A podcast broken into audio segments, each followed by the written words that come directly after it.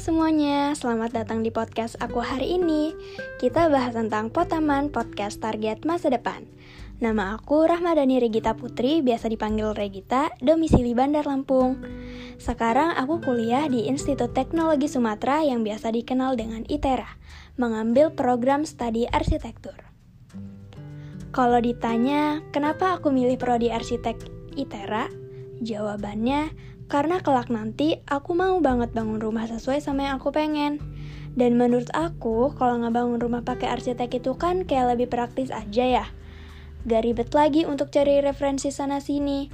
Apalagi kalau arsiteknya aku sendiri, yang tahu kemauan aku dalam konsep membuat rumah yang aku pengen tuh gimana. Karena tanpa arsitek, belum tentu pembangunan rumah itu bakal memuaskan, atau belum tentu semua bagiannya berfungsional.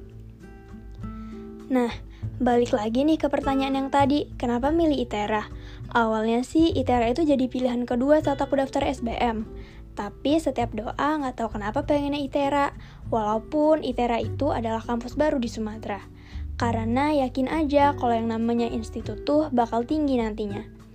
Bukan di mana kita berkuliah, tapi bagaimana kita berproses dalam kuliah. Itu yang buat aku percaya kalau ITERA insya Allah bakal jadi kampus yang bisa ngebimbing aku banget untuk jadi seorang arsitek.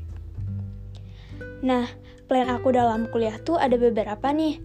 Plan jangka pendek, plan jangka menengah, dan plan jangka panjang. Plan jangka pendek yang pertama, aku akan ikut organisasi-organisasi untuk dapat banyak teman, pengalaman, dan relasi-relasi yang pasti semuanya bakal berguna banget buat aku di masa depan. Yang kedua, aku akan belajar tekun dalam menguasai materi-materi agar IP ku selalu tinggi. Plan jangka menengah yang pertama, aku akan mulai membuat bisnis di saat aku sudah menguasai materi di perkuliahan arsitek, seperti belajar menjadi seorang arsitek muda.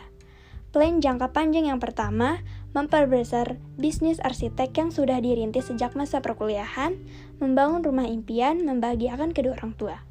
Sampai di sini aja cerita tentang plan kehidupan aku di masa perkuliahan. Sampai jumpa lagi. Bye bye.